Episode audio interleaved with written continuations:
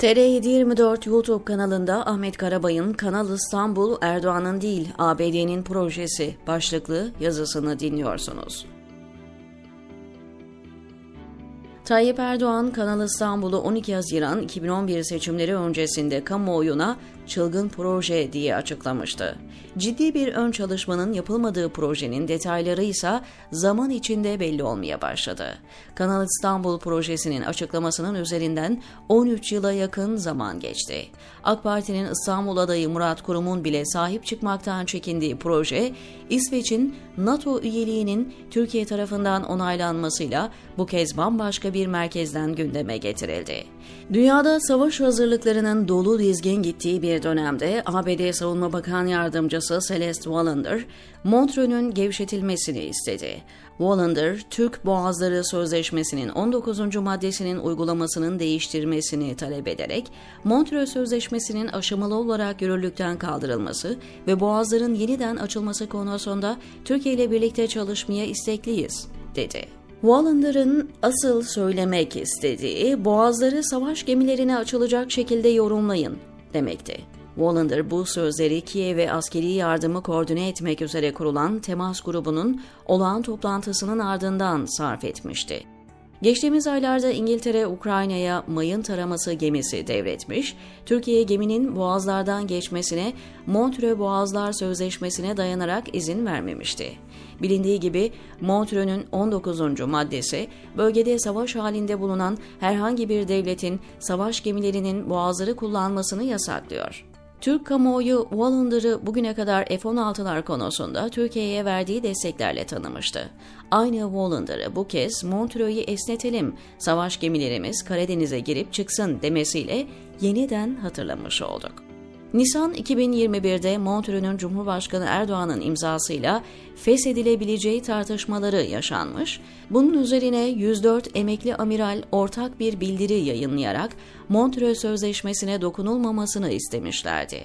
Emekli amiraller bildirisinde Montreux sadece Türk boğazlarından geçişi düzenleyen bir sözleşme değil, Türkiye'ye İstanbul, Çanakkale, Marmara Denizi ve boğazlardaki tam egemenlik haklarını geri kazandıran, Lozan Barış Antlaşması'nı tamamlayan büyük bir diplomasi zaferidir denilmişti. Bilindiği gibi emekli amiraller Montreux Sözleşmesi'nin tartışma konusu yapılmasına, masaya getirilmesine neden olabilecek her türlü söylem ve eylemden kaçınılması gerektiği kanaatindeyiz dedikleri için haklarında takibat yapıldı. Türkiye askeri darbe süreçlerinden çok çekmiş bir geçmişe sahip olmasaydı, emekli amirallerin dile getirdiği hususları sırf bir meslek grubunun dikkat çektiği hususlar diye bakabilseydi, hayli önemli konular olduğu görülecekti. Montreux, Türkiye'nin bir savaşta savaşan taraflardan birinin yanında istemeden savaşa girmesini önleyen bir sözleşmedir ifadesi önümüzdeki günlerde yaşanacak gelişmelerin alarm zili niteliğindeydi.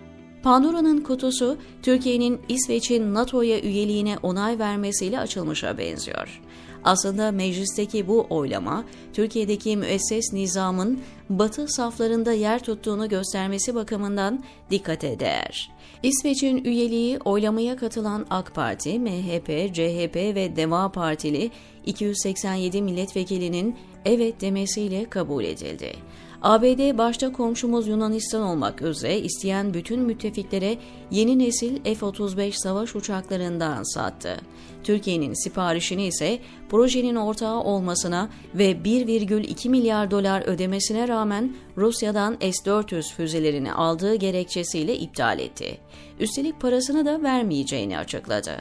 Türkiye o tarihten bu yana hiç değilse elindeki 70 dolayındaki F-16'ların bakım onarımı için gerekli parçaları ve 40 adette F-16 alma gayretinde. Uçakların demode olduğunu bilmesine rağmen Türkiye'de İsveç'in NATO üyelik sürecinin aşamaları tamamlandıktan sonra ABD Başkanı Biden resmi satış mektubunu kongreye gönderecek. Eğer 15 gün içinde kongreden itiraz gelmezse satışın önü açılmış olacak. Bu gelişmeler yaşanırken İngiltere Genelkurmay Başkanı General Patrick Sanders, önümüzdeki yıllarda Britanyalıların Rusya ile savaşmaya hazır olmaları gerektiğini söyledi. Sanders, hazır olunması gereken savaşın 20. yüzyılın büyük savaşları ölçeğinde olacağı vurgusunu da yaptı. Rusya'nın Ukrayna'yı işgalinin gelecekte yaşanacakların bir işareti gibi görülmesi gerektiği görüşünü dile getiren General Sanders, önceki savaşlardan alınan derslerin çok geç olmadan hatırlanması gerektiğini söyledi. İngiltere hazırlığın adını koydu. Savunmaya az para harcamasıyla bilinen Almanya, silaha acil bir şekilde 100 milyar avro para harcayacağını açıklamış bulunuyor. Almanya kaldırdığı zorunlu askerliği yeniden getirmenin hazırlığında. İsveç çoktan getirmiş durumda. Batılı ülkeler savaşa kaynak bulurlar. Bunda sorunları yok. Sorun savaşacak insan kaynağı oluşturmakta. Almanya bunun için orduya Alman vatandaşı olmayanların da alınacağını açıklamış durumda. İnsan kaynağını dışarıdan temin etmeye çalışan batılı ülkeler savaşın kendi topraklarında da yaşanmasını istemezler. Bundan dolayı savaşın bir gerekçeyle başka ülke topraklarında cereyan etmesini sağlarlar. Öyle anlaşılıyor ki Türkiye önümüzdeki dönemde boğazlardan yabancı savaş gemilerinin geçişiyle ilgili bir takım dayatmalarla karşı karşıya kalacak. Biden'ın Türkiye'ye F-16 verilmesi yolunda yazacağı mektuba kongrenin NATO ülkelerine ait savaş gemilerinin geçişine kolaylık sağlama gibi bir madde eklenmesini isteyebilir. Ya da Türkiye'nin Montreux dışında bir geçiş yolu oluşturması öngörülen Kanal İstanbul'un bir an önce hayata geçirilmesi için harekete geçebilir. Boğazlar sadece İstanbul Boğazı'ndan ibaret değil. Bir de Çanakkale Boğazı var diyenlere küçük bir not. Kanal İstanbul'un planlanan uzunluğu 45 kilometre. Çanakkale Boğazı'nı bypass yapacak olan Saros Körfezi'nden Marmara Denizi'ne geçiş oluşturmak çok daha kolay. Burada gereken kanal uzunluğu 6-7 kilometreden ibaret. Sürecin nasıl gelişeceğini kestirmek kolay değil. Şurası bir gerçek ki Batı bloğu Rusya ile doğrudan bir savaşa doğru dolu dizgin gidiyor. Türkiye'nin çıkması muhtemel Doğu-Batı kapışmasında bir tarafta yer alması gerekmiyor. İngiliz Genelkurmay Başkanı General Sanders'ın sözüne ettiği savaş şüphesiz 3. Dünya Savaşı olacak. 1945'ten bu yana nükleer silah kullanılmadı. Envanterindeki silahları sahaya sürecek olanlar nükleer silahları kendi ülkelerinde kullanmak istemeyecekler. Bu durumda Türkiye topraklarının savaşın cereyan ettiği ve nükleer silahların üzerinde patladığı bir ülke olma durumu çok da uzak ihtimal görünmüyor. Böyle bir savaşın kazananı kim olur bilmiyorum. Ama kaybeden ülkenin Türkiye olacağına şüphe yok.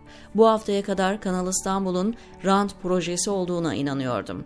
Şimdi ise bu projenin NATO ve ABD tarafından hazırlanıp emlak rantının Tayyip Erdoğan'a rüşvet olarak sunulduğuna inanmaya başladım.